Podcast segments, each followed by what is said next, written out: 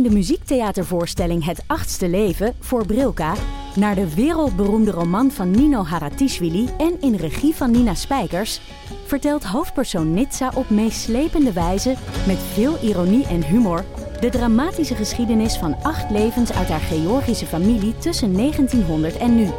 Een hartverscheurend en tegelijk troostrijk drama verteld vanuit het perspectief van vrouwen uit verschillende generaties. Waarbij het publiek meegenomen wordt op een emotionele, visuele en muzikale reis door de 20ste eeuw. Koop je tickets voor het achtste leven via oostpol.nl.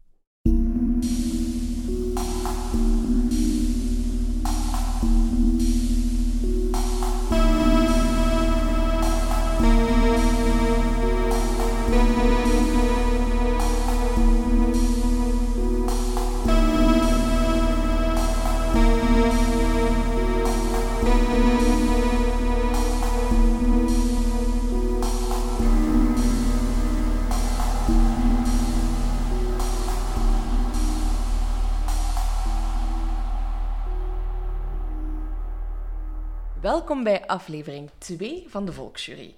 Wij zijn nog altijd Laura en Silke en ehm, we zijn hier voor een tweede keer. Ja, ik hoop dat aflevering 1 toch wel in de smaak gevallen Ja, ik hoop het ook. ik heb er nachten niet van geslapen.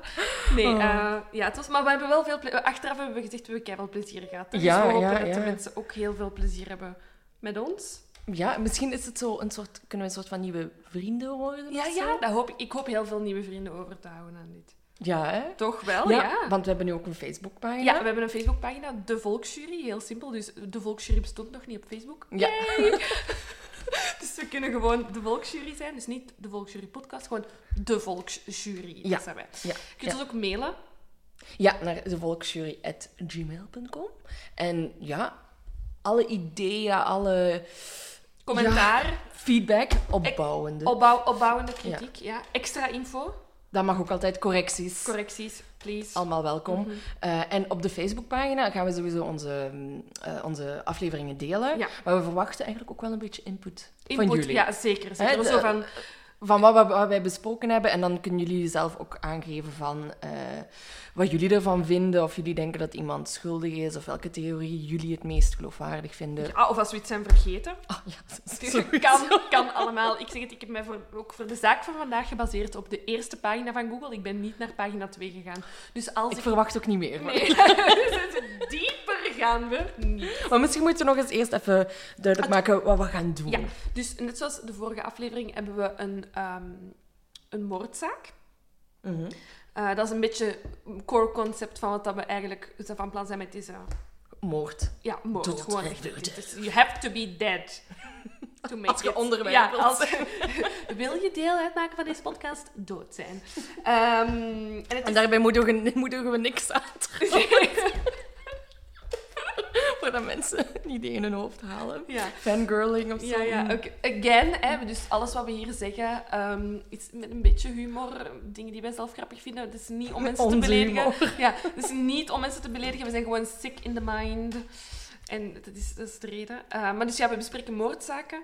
Ehm wij geven daar onze mening over, wat wij denken. Wat Mm. anders had gekund. Is het een juiste uitspraak geweest? Is er een uitspraak geweest? Is er geen uitspraak geweest? Zijn wij het grote licht? Gaan wij de moordenaar vinden? De antwoorden geven. Ja. Ehm, dat is een beetje wat we doen. Daarom de volksjury. Hè. Voilà. Wij moeten bepalen, of bepalen, moeten. Ja, Wij gaan de zaken herbezien en kijken waar het of is misgelopen of... juist is. Juist of is, of ja. wat, er, wat ze vergeten zijn, wat anders kon. Wat typisch Belgisch gerecht weer in de vergetelheid is, is gestoken. Dat is een beetje wat we gaan doen. Inderdaad. En ehm, misschien moeten we nog even een recap doen van vorige, vorige keer. Ik wou vorige week zeggen, maar we weten nog niet. weet nog niet of dit wekelijks gaat zijn. Of maandelijks. Of Of, maandelijks. Of... dat, dat, dat zien we nog wel. Dus vorige, vorige week hebben we... ehm, de, Vorige keer? Hm? vorige keer... oh. Ah, vorige keer hebben we eh, de moordzaak eh, van Christine van Hees gedaan. Hè, het meisje van 16 dat eh, eh, dood is teruggevonden in de champignonfabriek. Eh daar hebben we getuige X1 bij gehaald. eh Dutroux. Ja, ehm, het was een Beekting. hele... Zeer Belgische zaak. Ja, Ehm, dus dat hebben we vorige keer gedaan. We moeten nog twee dingen dat we beloofd hebben in onze podcast rechtzetten. rechtzetten. Ehm, namelijk één, het nummer bel me, schrijf me, laat me toch iets weten. Niet van Wiltura. Niet van Willy Somers. Niet maar- van Isabelle aan. niet van. Maar het is een, du een duet tussen ehm Lux Steno en Sandra Kim. En volgens mij dacht ik ook dat nog net 89 Het is was. 89, ik heb het Ja. opgezegd. Dus het is oké dat ik heb gezegd dat het in de jaren 80 Ja, ja. eh, is gebeurd. En dan nog een andere vraag dat we in de aflevering hadden gesteld was het internet. Het internet, ja. Wa- wa- hè? En ik ben eens op Wikipedia gaan zoeken. Ik geef het toe. Beste bron ooit. Dus neem het ook soms met een zak zout. Ja, zak, echt strooizout. Echt zo, wat dat je in de winter op de weg strooit.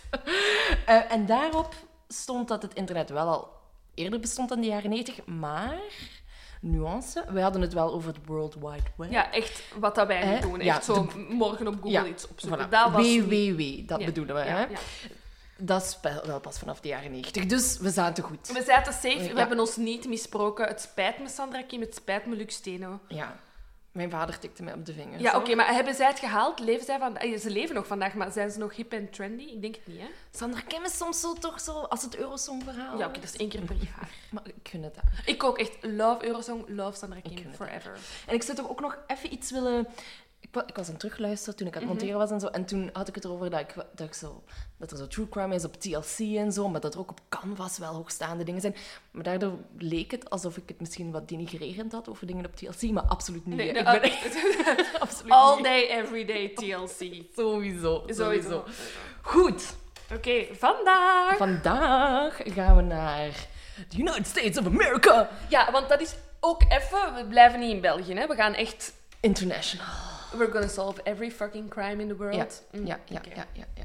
Dus we bevinden ons momenteel in, eh, in Amerika. Het is, ehm, in Amerika staat deze zaak bekend als de staircase, oftewel in het Nederlands de trap. Dat, dat, bekt- De trap.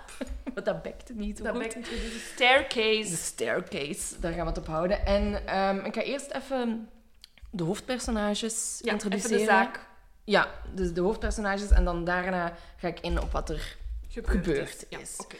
Dus deze, de- deze zaak draait rond twee eh, personen. Michael Peterson, die het gedaan zou kunnen hebben. Mhm. En dan heb je zijn vrouw, Kathleen Peterson, Mhm. en zij is dood. Zij Zij is, het slachtoffer Zij is het eigenlijk in, eh, in heel het verhaal. Moet Michael Peterson, ook wel Mike voor de vrienden. Mike voor de vrienden. Zijn wij vrienden? Ik weet het niet zo Ik wel. Ik ben trouwens een vriend van Mike. Ah, zie, daar gaan we al, hè? Daar zijn we Ja, al. Oké, Mhm. Mike en ik Mike. Voor het gemak zullen we... Ik, ik pas mij wel aan. Ik kan wel met zijn formele naam Michael leven. Michael Peterson. Ja, voilà. En die eh, is geboren op 23 oktober 1943 in Nashville, Tennessee. Tennessee, baby. Mhm. En eh, ja, eigenlijk over zijn jeugd is niet zo gedenkwaardig, niet zo oké. boeiend. Hij heeft wel een diploma in politieke wetenschappen gehaald. En op een gegeven moment eh, beslist hij om voor het US Department of Defense eh, te gaan werken. En eh, in 1965 trouwde hij met zijn eerste vrouw, Mhm. Patricia. Dus nog niet Kathleen. Kathleen. Kathleen. Oh, misschien ga ik, ik denk dat ik op een bepaald moment de namen gewoon ga vervlaamsen. Vervlaamsen. Kathleen. Michael en Kathleen. Kan. Het wordt zo fout dan.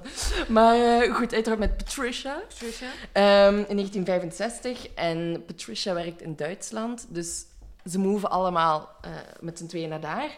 En ze krijgen ook twee kinderen. Clayton en Todd. Mhm. En eh, in 1968 beslist hij van eh, in het leger te gaan. Bij de marine meer bepaald. En hij gaat ook vechten in Vietnam en zo. Ja, oké, want het is dan Vietnam War. Ja, ja, ja, ja, ja. ja.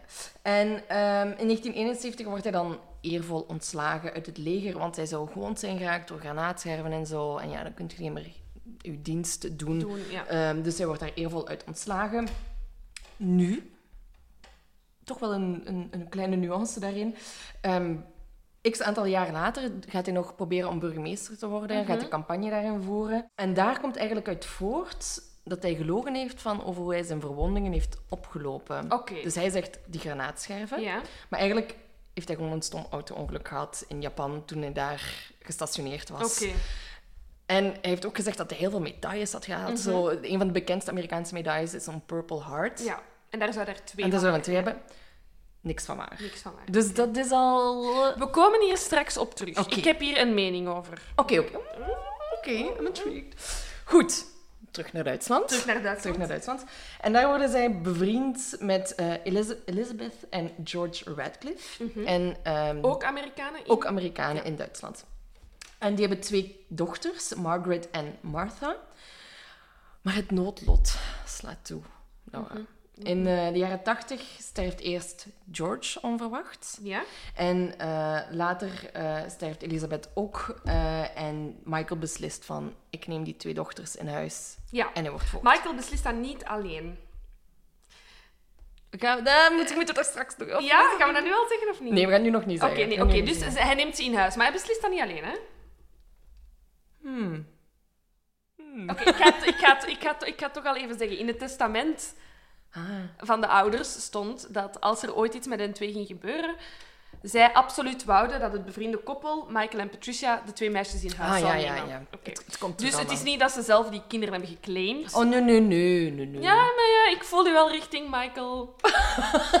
Michael, Michael bashing gaan en ik. I'm Michael, nee, mijn zo is ook vriend. nooit. Michael, mijn vriend. Dan is het Mike, hè? Mike, mijn vriend. Mm, mm. Heeft de twee meisjes in huis genomen. Deels omdat hij het wou, deels omdat hij... Omdat het in de... Op papier Ja, stond. ja, ja. Nee, ik bedoelde daar niks mee. Goed, dus Excuses aanvaard. Michael en Patricia worden voogd. Mhm. Eh, maar dan in 87 scheiden Michael en Patricia. Oké. En Michael die verhuist samen met Martha en Margaret, dus de dochters van het overleden koppel, eh, naar het stadje Durham in North Carolina. En dat is ook Oké. zo een zuidelijke, zuidelijk Ja. staatje. ehm, True Americans. ja, ja, ja, Mhm. Patriots. Alright.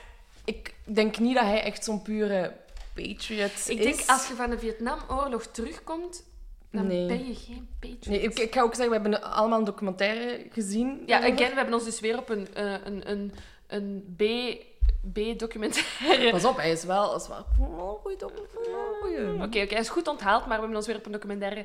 Deels op een documentaire gebaseerd. Ja. ehm, voor deze En zaak. daarin zie je bijvoorbeeld geen Amerikaanse vlaggen Nee, aan zijn deur hangen, wat je toch heel vaak wel ziet Ja. bij van die patriots eh, en van die legermensen. Eh maar het is dus daar niet aan de orde. Maar bon, verder gaan ze daar ook niet op in, of Nee, komen daar ook geen informatie over te weten. En eenmaal in Durham, in dat dorpje dus, ehm, legt hij zich toe op het schrijven van boeken. En hij heeft Ja. drie boeken geschreven over zijn tijd in Vietnam. Mhm. En hij gaat ook voor een lokale krant werken en gaat er columns eh, voor schrijven.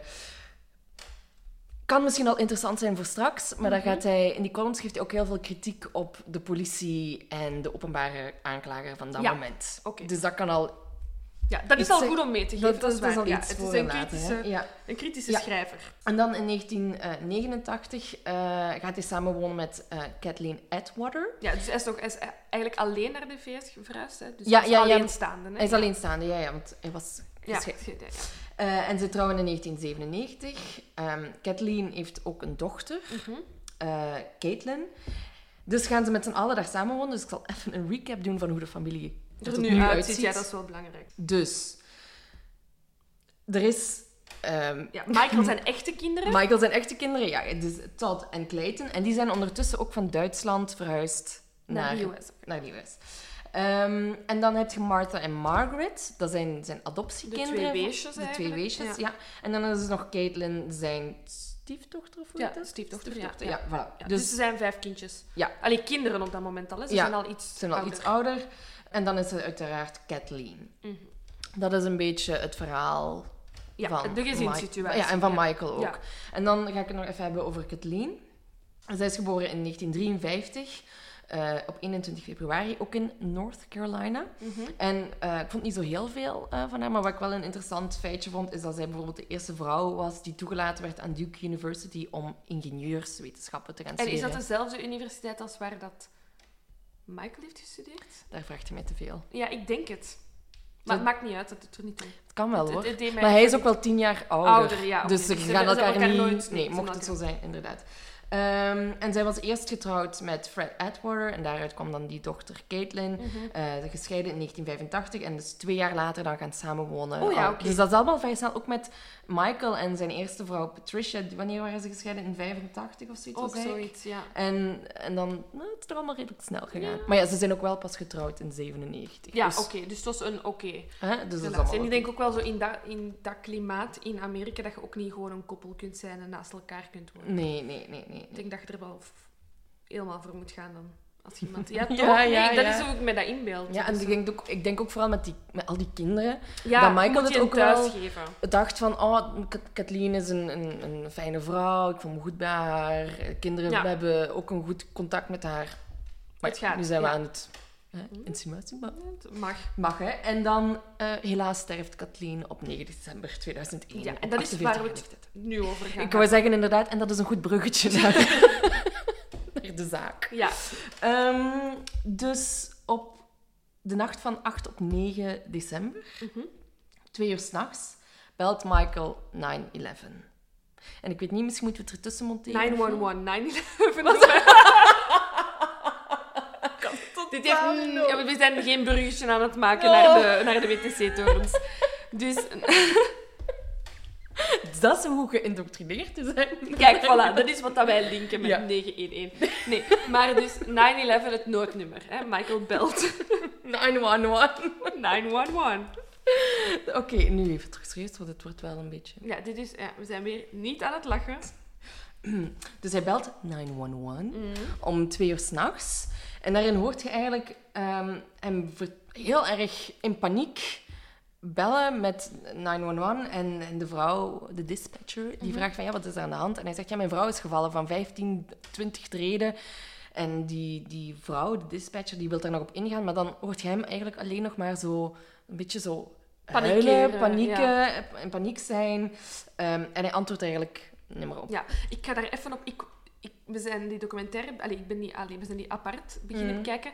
Ik was zo in shock. Ik had niet verwacht dat dat gewoon daarmee opent. Dat. Ah ja, ja. en Met met de- beelden van... En de beelden, met, met de echte 911-call Mm. en de echte beelden. Dat is, altijd wel even zo ik slikken, niet. Dat is niet wat dat we hier in België zien Nee, op tv. nee, nee, nee, Ik nee, zo, wow, dat, dat kruipt direct. Dus daarom, dat, dat vreet zo direct aan u. Je vond- meteen erbij, Ja, hè? je zet er een direct bij. Dus ik hoop dat Want- jullie er nu ook... De, de, de, de beelden die ze laten zien zijn ook wel echt... Kathleen, die valt er dus... Of niet. Of niet. van, van de trap. En ehm, de politie komt ter plaatse en zo. En er is echt... Je ziet op die beelden ook... Je ziet haar daar gewoon liggen. Op die trap. Ja. En er is heel veel bloed, haar kleren hangen helemaal vol. Ehm, en de politie komt ter plaatse en die denken toch al heel snel dat Michael er iets voor mee iets te maken heeft. ja. Hè? En ehm, wat ik al kan zeggen is dat hij ook daadwerkelijk schuldig bevonden is voor moord eh, in 2003. Ehm, en hij werd levenslang naar de gevangenis gestuurd zonder de mogelijkheid om nog vrij te komen. Maar... Twist and turns, baby. Ja, dit is not so simple. Ja. Oké.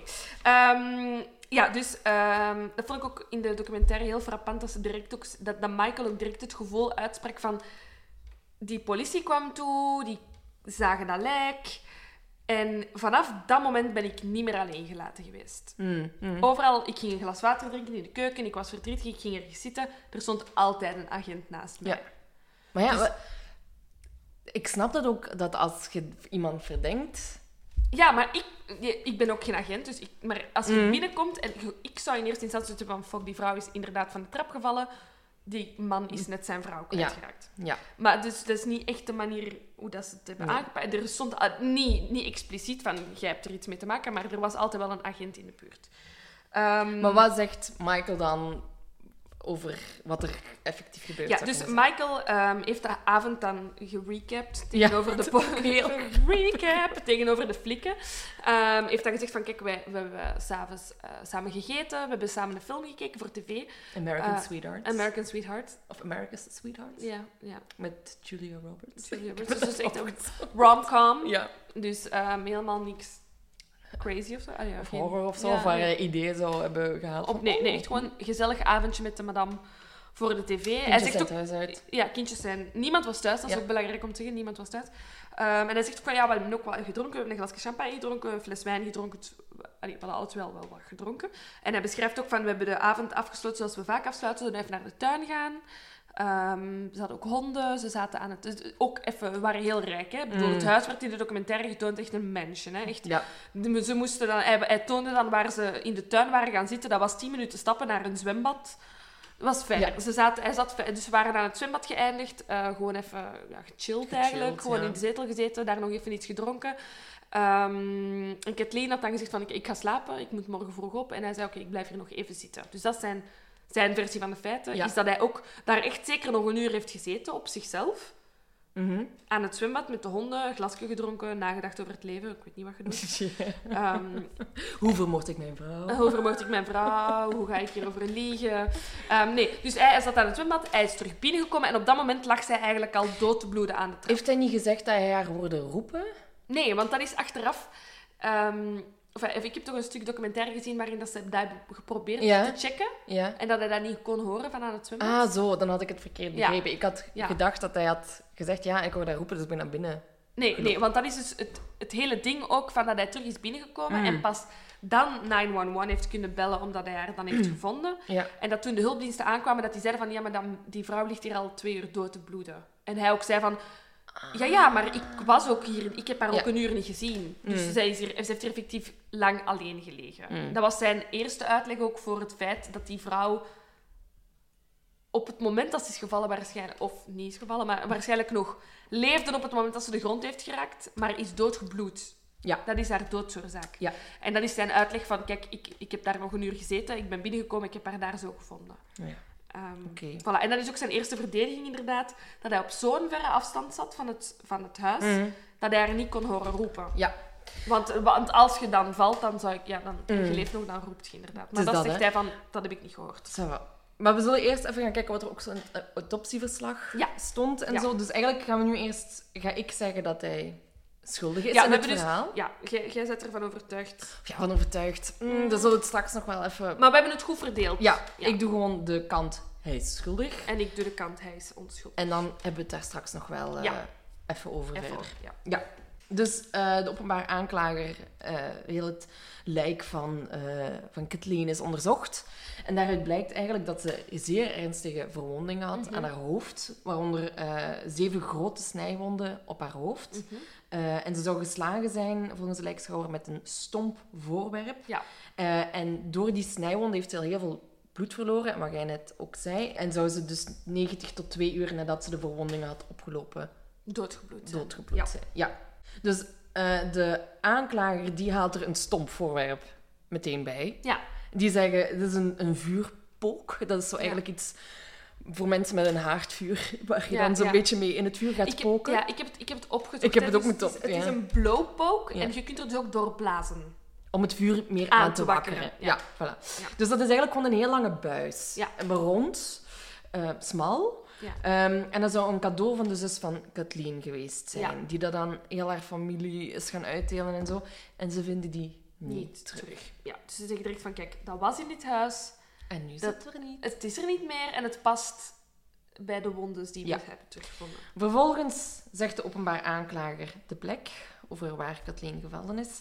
Heel veel bloed. Mhm. En dat kan niet consistent zijn met een val. En er zitten ook, eh, uiteindelijk vinden ze ook bloed op eh Michael zijn schoenen en zijn broek en zo. Dus ze vinden dat toch allemaal maar wat Mhm. louche. Mhm. Eh, maar ja, dan is de vraag, wat, is, wat, wat zou Michael zijn motief Geweest zijn. kunnen zijn? Bedoel, Er is ogenschijnlijk gelukkig koppel Ja. naar de buitenwereld toe. Daar ga ik direct Daar- even op ja, oké, oké, oké. Maar de hele... Ja, het is echt een zaak met... Echt, het is, al- als dit een, een aflevering uit thuis zou zijn, mensen zouden Oh. het niet geloven. Dit zou, dit zou drie seizoenen van thuis ja, zijn. Ja. Minstens. Minstens. Ehm, ze komen erachter dus dat Michael een geheim leven heeft. En zoals ze in dat sappige Zuid Zuiderse accent zeggen, zou hij bisexual Ja. zijn. He had a Dus- gay life. Ja, dus hij zou ook wel iets met de mannen willen doen. Ehm, en de- dus daarop wijzen zij... Zij vinden dus ook porno van, eh, van Michael op de, op de computer, waarop andere naakte mannen staan. En ze argumenteren dat Kathleen zijn geheim had ontdekt. En dat hij dat openbaar zou maken. Of dat ze daar heel boos over zou zijn geweest. En dat ze daarom wou scheiden. Ehm, ze zeggen ook, de aanklagers, dat eh, Michael eh, seks zou hebben gehad met een, met een man. Eh, of een relatie, op zijn minst, seks ook met een man. En een van die mannen waarmee Michael contact had gehad, die komt getuigen in de rechtszaak, Brad. En eh, dat is een sekswerker. En wat ik heel opmerkelijk vond in die ondervraging van hem, is dat de, openbaar, de assistent van de openbaar aanklager vraagt van, did you have sex with him? With him? En dan doorvraagt van, what kind of sex did you have? En je ziet die jongen zo kijken en van, wat moet ik hierop zeggen? En dan komt er zo heel erg anal uit. En Maar dat is ook zo opvallend. Eén, we zijn in Amerika. Ja, het land waar dat dan nog altijd super Maar we zijn, ook, ja, we zijn ook nog maar 2001. We zijn 2000. 2001. En het, als je kijkt, de jaren daarvoor, homoseksualiteit, en dat is totaal nog... Ik denk dat 90% van die rechtszaal dacht, it's a disease. Ja, het zou me niet zo wordt het ook naar voren. Allee, zo wordt het ook een beetje... Ik bedoel, het feit dat hij biseksueel is, is één van de argumenten om hem schuldig te pleiten. Ja, maar ik, daar zie ik dus... Ik ben nu wel schuldig bezig, maar daar zie ik absoluut geen Nee, probleem voilà, in. nee. Ik heb ook zoiets van... te- tegenwoordig bestaan er ook... Hè, komt steeds meer naar boven hoe mensen polyamoreus zijn en Ja, zo. voilà. Dus voor hetzelfde geld was dat daar ook Ja, het geval. Kathleen zit, fine by me. Inderdaad, inderdaad. Maar goed, daar gaat de openbaar aanklager uiteindelijk niet Nee. vanuit. Hè, dus, ehm, en zij zegt dan ook, ehm, even een stuk, een quote Ja. uit de documentaire. En je moet het u dus inbeelden met een goed sappig, Goed, sappig, Zijders Texaans. accent Ja. van North Carolina. Dat ga ik, niet, niet, ga ik me niet aan wagen, maar... Dus... Kathleen would have been infuriated by learning that her husband, who she truly loved, was bisexual mm-hmm. and having an extramarital relationship, not with another woman, but a man, which would have been humiliating and embarrassing to her. We believe that once she learned this information, that an argument ensued and a homicide occurred. Dat is, dat is wat zij tegen de jury zegt. Zegt, ja. Hè, dus wat zegt zij hierin van...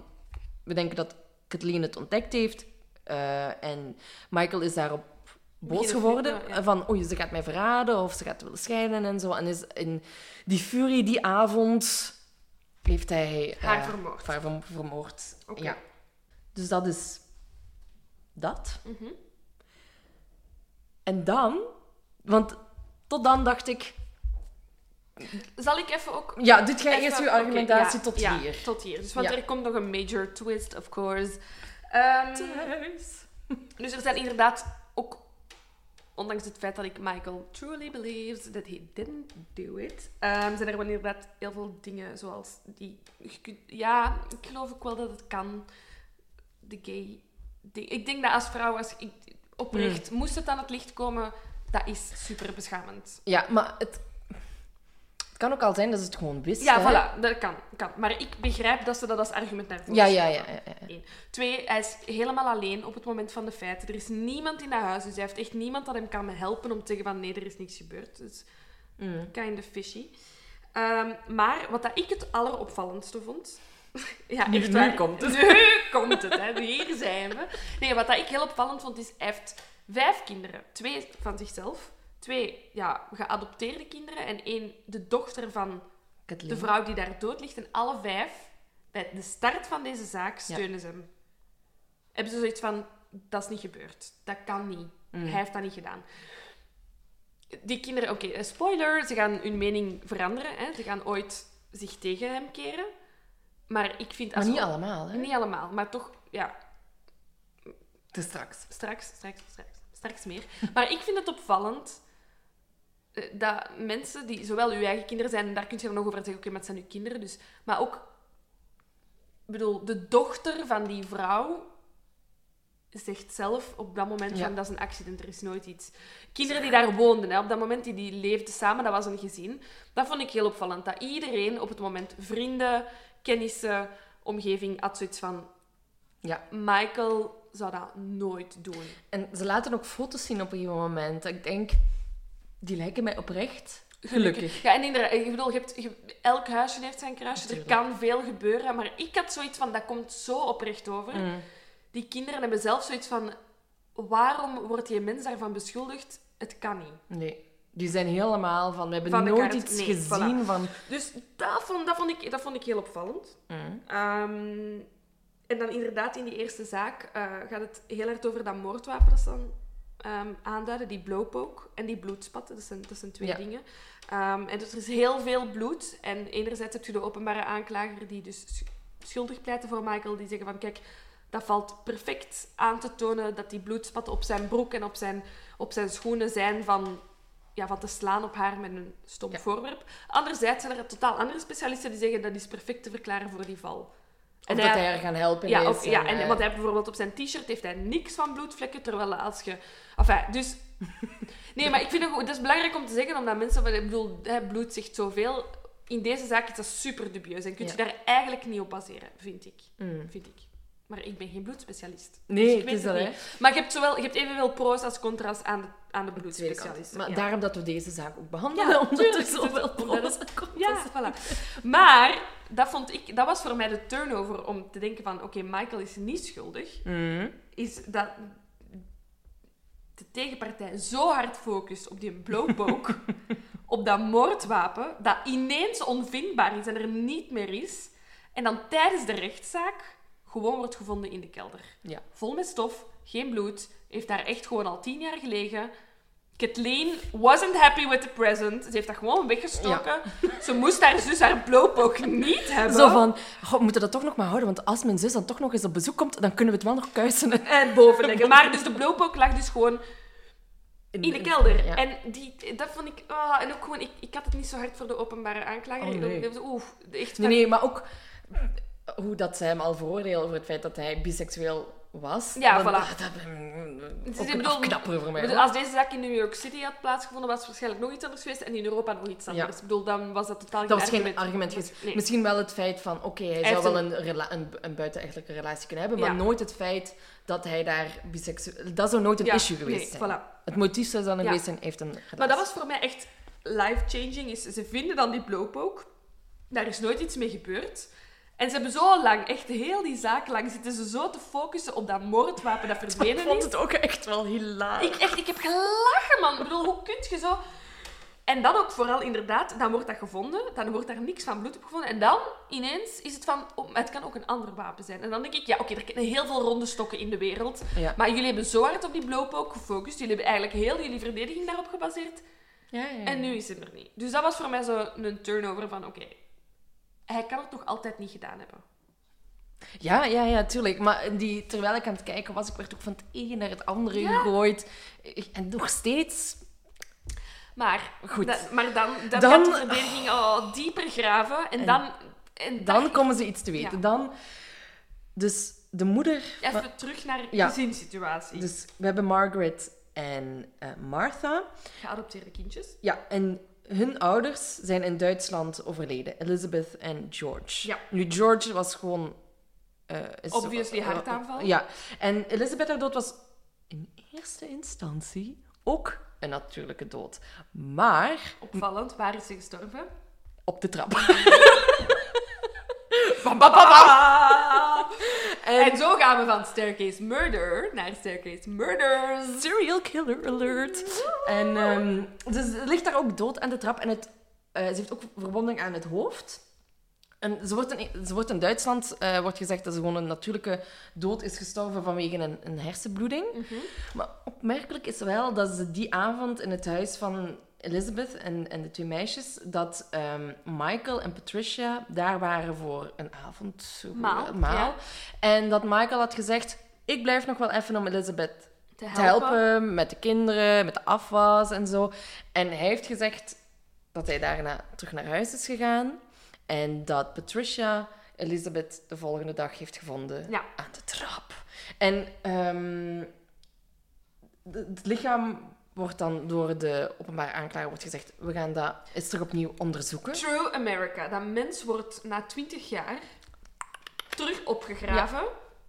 Totaal niet discreet. Echt, de documentaire brengt dat ook gewoon in beeld. Hè. Echt letterlijk hoe dat, die kist naar boven En echt, er staat er staan media. tien camera's op. Echt Ja. super zielig. Ik denk ook, die- meisjes, die twee dochters kwamen dan ook even aan het woord. Die hebben hun, hun beide ouders eigenlijk bijna niet gekend. Waren heel klein toen dat ze zijn Je moet je voorstellen, je twee biologische ouders kwijt, uw stiefmama kwijt. En dan uw vader die nog eens in de gevangenis. En dan graven ze een van uw ouders terug op. En ja, Om te zeggen, eigenlijk heeft uw pa die ook vermoord. ik vond het heel opmerkelijk dat een van die twee dochters in de documentaire zei van als kind heb je er nachtmerries over dat je ouders terug tot leven komen als een soort van zombies Ja, en zo. ja.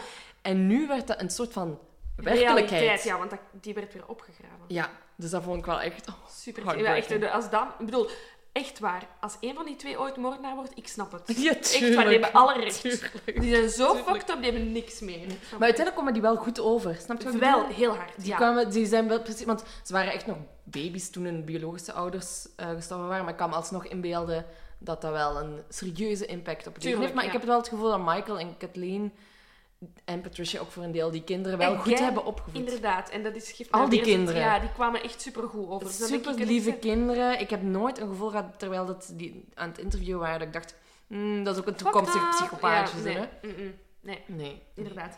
Maar dus, inderdaad, zit me eigenlijk met een tweede staircase. Murder. Dus dat is wel de openbare aanklager. Die hebben zoiets van, we gaan hem niet hiervoor ook aanklagen, maar we gaan het wel als bewijs Materiaal gebruiken in de zaak. Ja. Want ze doen een tweede autopsie dus, nadat ze Mhm. haar hebben opgegraven. En dezelfde lijkschouwer die Kathleen heeft onderzocht, onderzoekt Ja. nu ook Elizabeth. En zij zegt, het is ook... eh, Same happened. hetzelfde is gebeurd. Ehm, en het toont aan eigenlijk ook weer, volgens de openbaar aanklager, hoe fake de val van Kathleen, Kathleen Ja. is geweest. En dat het wel, degelijk een aanval op haar is geweest. Ehm, en er zou ook heel veel bloed zijn geweest op de plek waar Elisabeth is gestorven. Ja. Eh, ja, dat, dus, dat, dus daar... eh, Dat toen tweede- dacht ik... hmm, Maar aan de andere kant dacht ik ook, die Duitsers die dat onderzoek doen, die gaan toch ook niet zo fucking dom zijn om te zeggen... Nee, dat denk ik ook. Again, we zijn in Amerika. Ja. Die, die ons... Zijn. Ja, enough zijn eigenlijk. Case closed, we zijn in Amerika. Alles kan. Nee, maar gewoon, we zijn in Amerika, die sowieso dan waarschijnlijk heel minderwaardig doen over die Europese Mm. flikken van 20 jaar eerder. Maar dan denk ik, bedoel, als het een crime scene was geweest, hadden die dat wel gezien? Hmm. Ja, tuurlijk. Ik, ik, geloof, ik geloof oprecht, maar echt, ik geloof oprecht. Ik bedoel, dan, dan kun je nog twijfelen over Kathleen, maar ik ben ervan overtuigd dat Elisabeth een natuurlijke dood is gestorven. Ja, want ze klaagden ook op voorhand, de dagen voor haar dood, dat ze heel veel hoofdpijn, Hoofdpijn had, inderdaad. zo. Alles was echt heel mooi omka allee, omkaderd. Alles past perfect Als een het- ongeval. ja, als een ongeval. Ja. Maar het is wel gewoon opmerkelijk. Het is dat er- super opmerkelijk, En dat er in het leven van Dus- Michael twee vrouwen sterven door van de trap te vallen. Ja. Maar anderzijds, welk voordeel heeft Michael bij het feit dat Elisabeth sterft? Misschien dat hij ook iets wist van die biseksualiteit of zo, hè? Of dat hij daar ook... Allee, dat is wat ik zou denken, Ja. hè? Of dat hij Maar daar... hij krijgt er twee kinderen door, hè? dat weet hij. Hij krijgt twee extra kinderen erbij. Hè? Hmm. Misschien wel, zij is ook geobsedeerd door Martha en Margaret. Ja, ik weet het baby, niet. he loved Ik wil gewoon zoveel mogelijk kinderen als maar Ja. kan. Ja, nee, inderdaad, dat vroeg ik mij ook af. Dus ik denk van, hij heeft helemaal geen voordeel bij die vrouw Het is geen motief. Dat Er is echt geen motief, net zoals er eigenlijk geen... Er is alleszins geen motief naar boven gekomen. Nee, naar boven Laat gekomen, inderdaad. Ja, Ja. Voilà. Dus, eh, Ja. En- maar ieder, eigenlijk kun je zeggen, ofwel heeft die man de pech van de wereld, dat hij twee vrouwen heeft, zien, allee, heeft weten sterven aan een trap waar hij schuldig aan wordt bevonden, ofwel is hij gewoon een heel domme moordenaar, want je doodt geen twee vrouwen op dezelfde manier, nee. nee. denk ik dan. Wat misschien ook nog wel een motief zou kunnen zijn, is dat... ehm, wat ik nu zo even... Ja, ja. Ehm, ik herinner mij in de documentaire dat ze zeggen dat Patricia en, ehm, en Elizabeth heel erg op elkaar lijken. Mhm. En misschien dat Michael wel zoiets had, ook met Elizabeth of zo. Hè? Een relatie een of zo. affaire, Een ja. affaire. En, Nu, zijn eerste vrouw, Patricia, komt ook aan het woord in de documentaire. Mhm. En die zegt ook, hand in het vuur, Michael is geen moordenaar. Nee, maar ja. Er zijn heel veel mensen. Ik bedoel, Ronald Jansen, dat was gewoon een leerkracht op school. Dus ik ook mijn hand voor bij wijze van spreken in het vuur gestoken om te zeggen: Oh, je bent gewoon een leerkracht. Ik bedoel, Nee, dat is waar, dat is waar. je weet het gewoon Nee, niet. je weet het niet. Je weet het niet. Je weet het niet. Wie weet wat er borrelt in mij of in u. Oh my god. Binnenkort gewoon de podcast met Silke. Laura is weg. Wow. Nee, maar nee, je weet het niet. En dat vind ik gewoon... Zo ben ik dan. Ik, ik geef mensen dan het voordeel van de twijfel. En ik heb zoiets van, er is op dit moment geen DNA-bewijs. Er is geen getuige. Nee, Er maar is dat, geen dat moordwapen dat Michael schuldig kan bevinden. maar dat is ook frappant dat er bij beide momenten geen, geen getuigen waren. Kon die Elizabeth niet gewoon een uur eerder van die trap zijn gevallen toen heel dat gezin nog aanwezig was? Ja, tuurlijk. Ja, nee, nee, maar daar, Dan- heb, je, daar, heb, je echt, daar heb je een punt. Hè. Inderdaad, er zijn bij, dat is, het, is, het is fishy en, en pech hebben tegelijkertijd. Ofwel is die moord gebeurd, is dat twee keer een moord geweest en heeft hij daar inderdaad heel goed over nagedacht en was er nooit iemand aanwezig.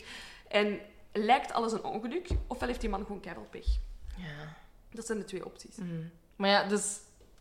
Dan komen we dan uiteindelijk op het einde van de rechtszaak. Ja, dus En de jury zegt... eh, schuldig. de schuldig en de bak in. Dus eh, hij wordt voor een jaar, ik had het eerder gezegd, ehm, levenslang zonder Mhm. kans om op Om eh, vrij te vrijdag komen. te komen. En zijn advocaat is echt helemaal van de kaart. Ziet je in de, in de documentaire. Is echt zo die van, man heeft alles gegeven. Die Ja. geloofde ook. Hè. Ja, en hij zegt van ja, mijn. Dit is geen gerechtigheid. Dit is. ik ben mijn geloof kwijt in het systeem. Je ziet hem echt gewoon voor zich uitstaren. Tien jaar ouder worden op, op, op het moment dat dat vonnis wordt uitgesproken. Je ziet die mens echt gewoon... Die, hij reageert, hij is vrij emotieloos, maar Ja. je ziet hem wel zo. Je ziet die wegtrekken, zo van, oh my god, dit dit, kan niet. niet waar zijn. Ja. En ook die kinderen, hè. Ook, Ja. ah, die kinderen zitten daar alle vijf op een rij. Alle vier. Want Caitlin zit aan de Ja, andere kant. Caitlin staat aan de andere kant. Dus de dochter van... ja, dat moeten ehm, we inderdaad ook wel ja, even zeggen. De dochter van Caitlin, die... van Kathleen. eh, van Kathleen. Oh, ja. Ja, maar Wie noemt, wie noemt zijn dochter... Als ik, Kathleen, eh, als ik Kathleen heet, noem ik mijn dochter niet Caitlin. Echt really. gedachte. Ik dacht, we- wat voor een persoon zijt je? Ja. Maar bon. Dus zoals Geil eerder zei, stonden eerst alle kinderen achter hem. Mhm. Maar eh Caitlin is van kant veranderd toen het autopsieverslag Ja. vrijkwam. Mhm. Eh, omdat, en ook nadat ze zei van ja, ik, ik, blijkbaar kende ik die man niet met zijn secret bisexual life. Ja, ja. Wat op zich in eerste instantie niet zo heel erg is. Ik bedoel, een beetje porno op je computer. Ik bedoel... Ja, really. echt. En, ehm, maar het feit dat, die, dat het autopsieverslag zegt dat het geen ongeval kon zijn geweest, is voor haar toch wel... de doorslag. de doorslag. Wat ik ook snap, het, zij is ook de enige dochter van, echte dochter van, van Kathleen. Dus ik snap ook wel Waar waren ze dan? ja, waar- waarom dat ze Mm. wisselt van, van... Dus... eh, Maar dus op het moment dat de uitspraak valt, staan die andere vier kinderen Ja. wel nog altijd achter Michael. En ja, die, Mm. they burst in tears. die storten en helemaal in, hè. Ja. Vooral ook Margaret en Martha. De jongens... ehm Todd en... heel sterk. En hoe heet het dan? En Clayton. Clayton? Ja. Eh, yep. Die, die houden zich wel nog sterk, maar Margaret en Martha... Ik bedoel, ik zei het net al, je bent je biologische ouders al kwijt, je, je stiefmoeder en dan gaat je vader nog eens levenslang In de bak. in de bak. Mhm. Ik bedoel, ehm, dat is wel even slik, ja. Ja.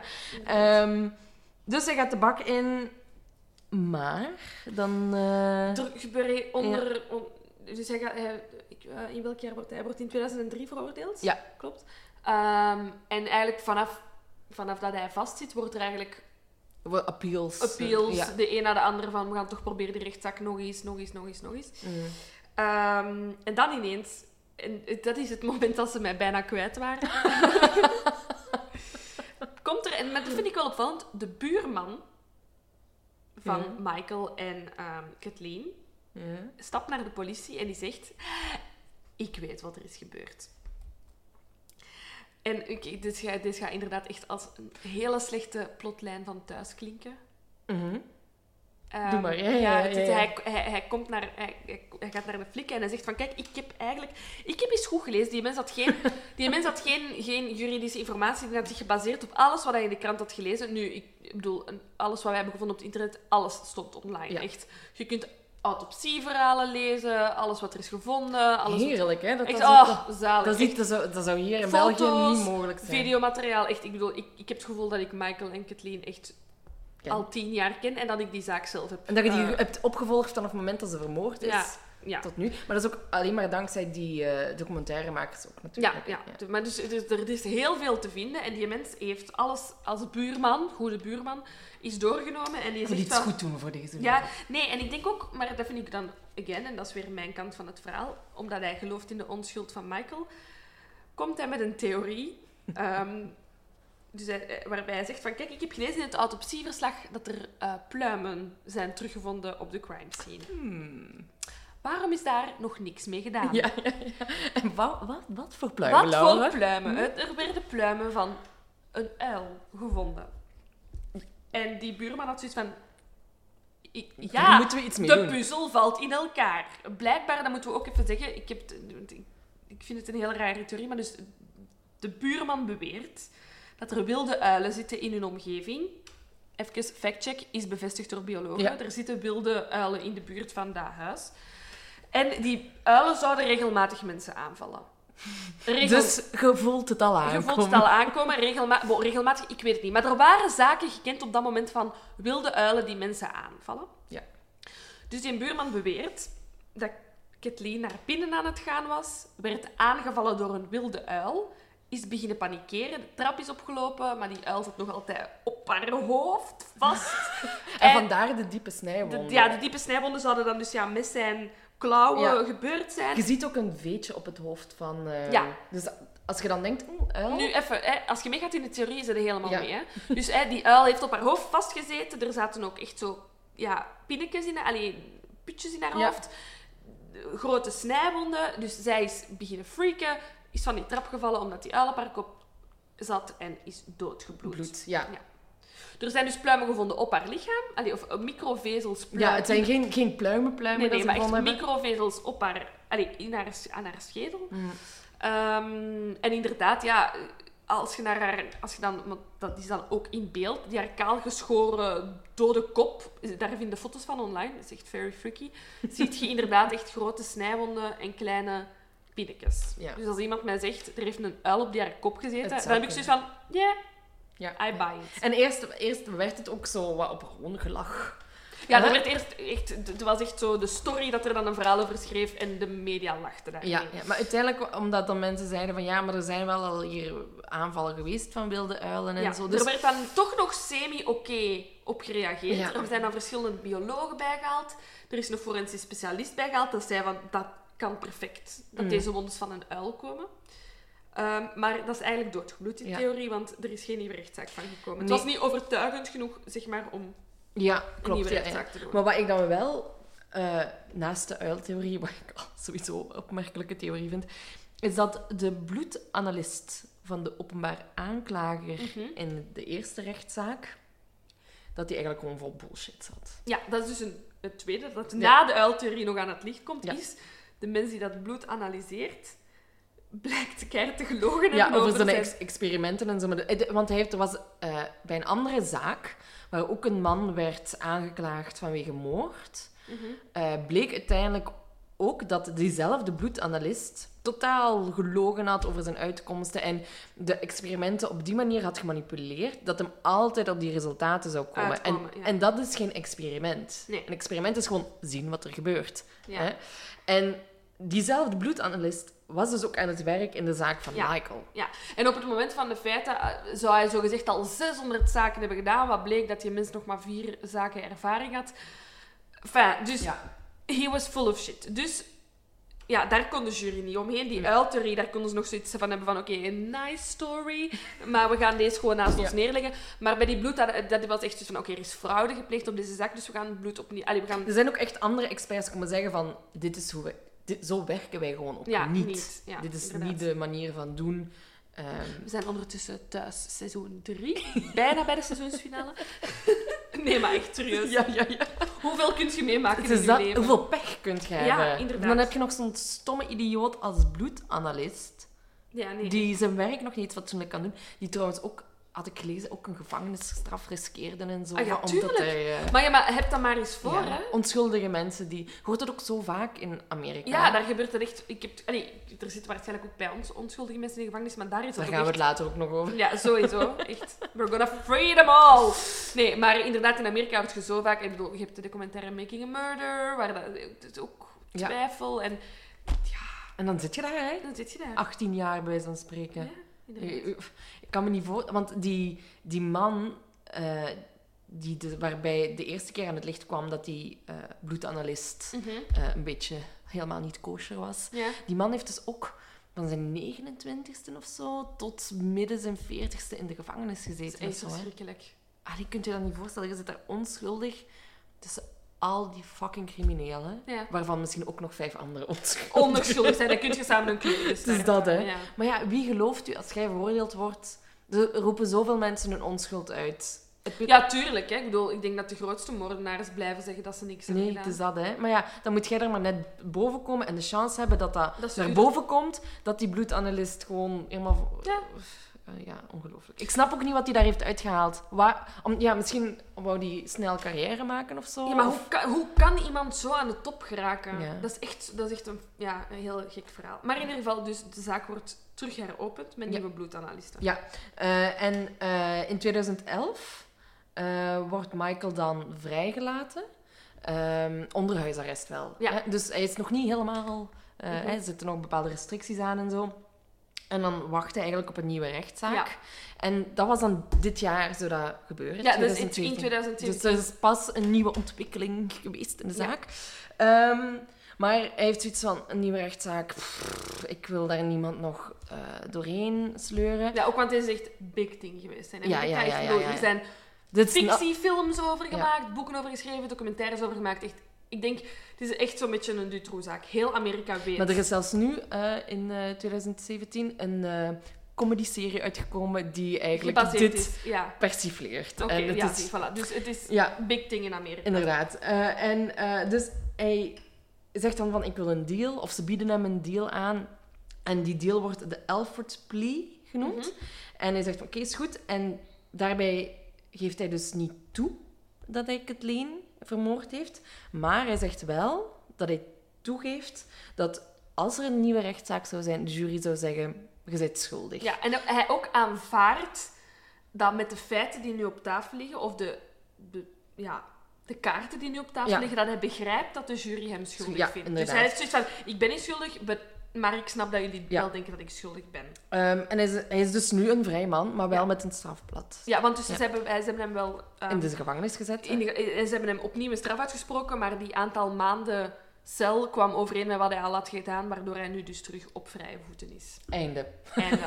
Nee, ja, het is toch een, een, een Het fucking is een absurde zaak. Ja. Het is ook zo intrigerend en interessant. En dan denk ik, het moet u maar eens over. Ja, want ik vind, wat ik, en ik, dat, is, dat is een beetje zo mijn dingen van, van hoe dat ik over zo'n dingen denk, is, ik ga ervan uit dat je pas schuldig bent Als het bewezen is. als het bewezen is. Terwijl ze hier er heel erg van uitgaan, Michael, je bent pas onschuldig als je onschuld is Ja. bewezen. De, en dat zie je ook in, die, in, de, in de eerste rechtszaak. Van de advocaten gaan heel erg op die reasonable doubt Ja, in. Dat Hè? is iets Dus, dat wij niet kennen hè, van- in België.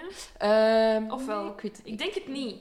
Goh, ik denk als, als uw bewijs niet voldoende bewijs bevat, Ja, dan moet, rechter... dan is uw schuld niet bewezen. Nee, hè? nee, en dan voilà. moet je vrijgelaten Ja, voilà. worden. En zo sta ik erachter. Dus de vraag van of ik denk dat Michael schuldig is, het is niet genoeg bewezen. Nee. En daarom moet hij vrijgelaten En is worden. dat een beter principe bij ons? Nee, waarschijnlijk niet, want daardoor komen er bij ons heel veel mensen vrij die wel schuldig zijn. Mm, Maar ja. Maar- omgekeerde is dat er heel veel onschuldige Inderdaad. mensen in Amerika vastzitten, omdat er inderdaad, er is genoeg twijfel dat u schuldig kan maken. Maar het is zo zielig als je niks hebt gedaan. Ja. ja. Dat is echt, want ik bedoel, echt, voor, en voor hetzelfde geld echt, heeft die mens dat keihard gedaan, heeft Twee twee, vrouwen Mhm. vermoord. Maar voor hetzelfde geld heeft hij gewoon echt fucking pech dat er twee vrouwen sterven onderaan een trap. ja, maar ja, ja, ik denk dat het toeval is toch wel... Ja, maar er zijn, ja, Ja. Maar je weet zo wat, maar mensen, je hebt toch zo'n man die zo de lot wordt gewonnen en dan... Het is een beetje zo, zoals het liedje zoals, eh, van Alanis Morissette. Ja. Is het ironic? Ja, ja, hè, ja, van ja. de- Ja, ik heb ook, ik bedoel, recent bij ons de aanslagen in Brussel. Een man die de 9-11 heeft overleefd. Dan in de... Of 911 bedoel je? Same thing. Nee, nee, maar die 9-11 overleeft. Op de luchthaven is op het moment van de aanslagen in Brussel. Ook in Parijs, Parijs. was met, met... Je hebt mensen die zoveel pech hebben in het leven. En dan denk ik, Ja. oh, ik wil deze echt nooit, mee- nooit meemaken. Nee, hè? Nee, nee, nee, ik snap het. En het is gewoon, het is zo'n grote zaak geweest en iedereen heeft er wel een mening over. Ja, Maar ik ga dan, ik ga dan toch, ik kan niet zeggen dat hij, dat hij schuldig is of onschuldig, want daarvoor zijn bij mij niet de Mhm. voldoende bewezen. Dus vind ik dat zij moeten, hebben moeten vrijlaten. Ja. Dus ik vind dat hij ook onterecht acht jaar of zo in de gevangenis heeft gezeten. ja. Ja Maar dat ook- is een beetje de mening die ik deel. Ja. Ik heb zoiets van... Ofwel heb je het keislim gespeeld als moordenaar. Ja. Want ook, ik denk, ik bedoel, die zaak is zo in 2000 voorgekomen. Er was heel veel bewijsmateriaal, maar er is nooit DNA-proof gevonden. Nee, daar hebben ze inderdaad niet over gesproken. Dus dan denk ik van... eh, dat is toch echt iets dat doorslaggevend had kunnen zijn, maar het was er niet. Er is geen moordwapen. Nee, bedoel, oké, die mens heeft veel kunnen doen op de twee uur tijd dat zij... Allee, tussen de, de, do- Ja. allee, de, de val en, en de phone call naar 911. Maar dat moordwapen, hoe maar zit dat ja, dan? heel veel mensen vinden die 911-call Ja. ook wel louche. Omdat meestal ehm, mensen die bellen naar 911, die gaan ook alles doen wat dat de, de dispatcher zegt. Ja, Dus die vrouw vraagt nog verschillende dingen, maar op een gegeven moment komt daar geen antwoord meer op en hoort je hem alleen nog maar janken eigenlijk een beetje. Ja. En ik heb dan zoiets van... Ik heb nog nooit in zo'n situatie Nee. gezeten, thank god. Maar je wilt dan toch zo goed als mogelijk die persoon nog... Nu, eerlijk, ik heb hem, allee, ja, ik heb hem ook Ja. gehoord, want ik heb naar de documentaire gekeken. Ik zou super nerveus worden van die di- dispatcher. Mm. Ja, Die ja, mens belt en echt, die zegt direct: Ik ben hier, mijn vrouw is van de trap gevallen, die is aan het bloeden, het ziet er niet goed uit. En dan vraagt, dan is haar eerste vraag: van hoeveel trappen is die gevallen? Doet dat ertoe? Maar ja, om de ernst toch in te schatten, denk ik. Ik weet het niet. Sorry, mijn vrouw is van de trap gevallen en die ligt hier in bloed. Voor mij is dat pretty obvious Ja. dat daar iemand naartoe moet komen. Ja. Ook, wat is uw adres? Dat Ik zeg, ook niet, ik zeg ook niet dat het een goede Dispatcher was. Of zo. En niet iedereen is daar even goed in. Nee, nee, waarschijnlijk niet. Maar- Ik wil die vrouw ook niet judgen, maar ik begrijp zijn manier. Ik, had, ik, Ja. vond, het een, ik vond het niet zo'n heel rare 911. Bij mij ging dat door merg en been. Oh, sowieso. En, en ik had zoiets van, die mens is net zijn vrouw Maar ja, ik, heb, ik moet zeggen dat ik wel al veel 911 calls... Wat doet jij in uw vrije tijd? Ah! Gewoon naar YouTube en 911, nee, dat is niet waar. Wat doe jij om s'avonds te ontspannen? 911 calls En de foto's erbij bekijken, uiteraard. En En zo gokken, moordenaar of niet? ja, Hmm. ja en dat is, dat, is, dat is ook heel moeilijk. Ik bedoel, ik ben ook weer geen expert daarin. maar het- ja, ik zou, ik zou anders gereageerd hebben, denk ik. Ja? Ik zou, ik zou nog meer gevraagd hebben, zijn ze onderweg, zijn ze onderweg? Wanneer komen ze? En bij Michael kwam daar helemaal niks meer. Nu ja, ik ben... misschien... Met, eh, ik, ik, ik werk Maar- ook in de media, jij werkt in de media. Er is zoveel te doen in montage, want we zijn ons weer aan het baseren op een documentaire Ja. en op een geluidsfragment waar ongetwijfeld in geknipt is. Waar Mm. geen... Ik weet ja, het niet, hè. ik heb niet originele... Nee, voilà, we hebben, we hebben ons gebaseerd op een 911-call van een documentaire. Memo voor in het vervolg. Nee maar, nee, nee, maar inderdaad, maar ze willen nu ook maar iets doen geloven, denk ik dan. Ja. Dus gaan we dan uit van reasonable doubt. Hij had Ik, vrij moeten mm, zijn.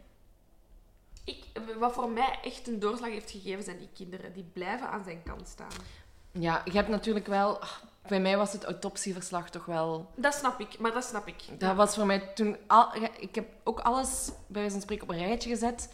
En ja, die uiltheorie en de blowpoke en en de val, het bloed. Mm. Maar het autopsieverslag is is toch... Ze heeft zeven ja. snijwonden in haar hoofd.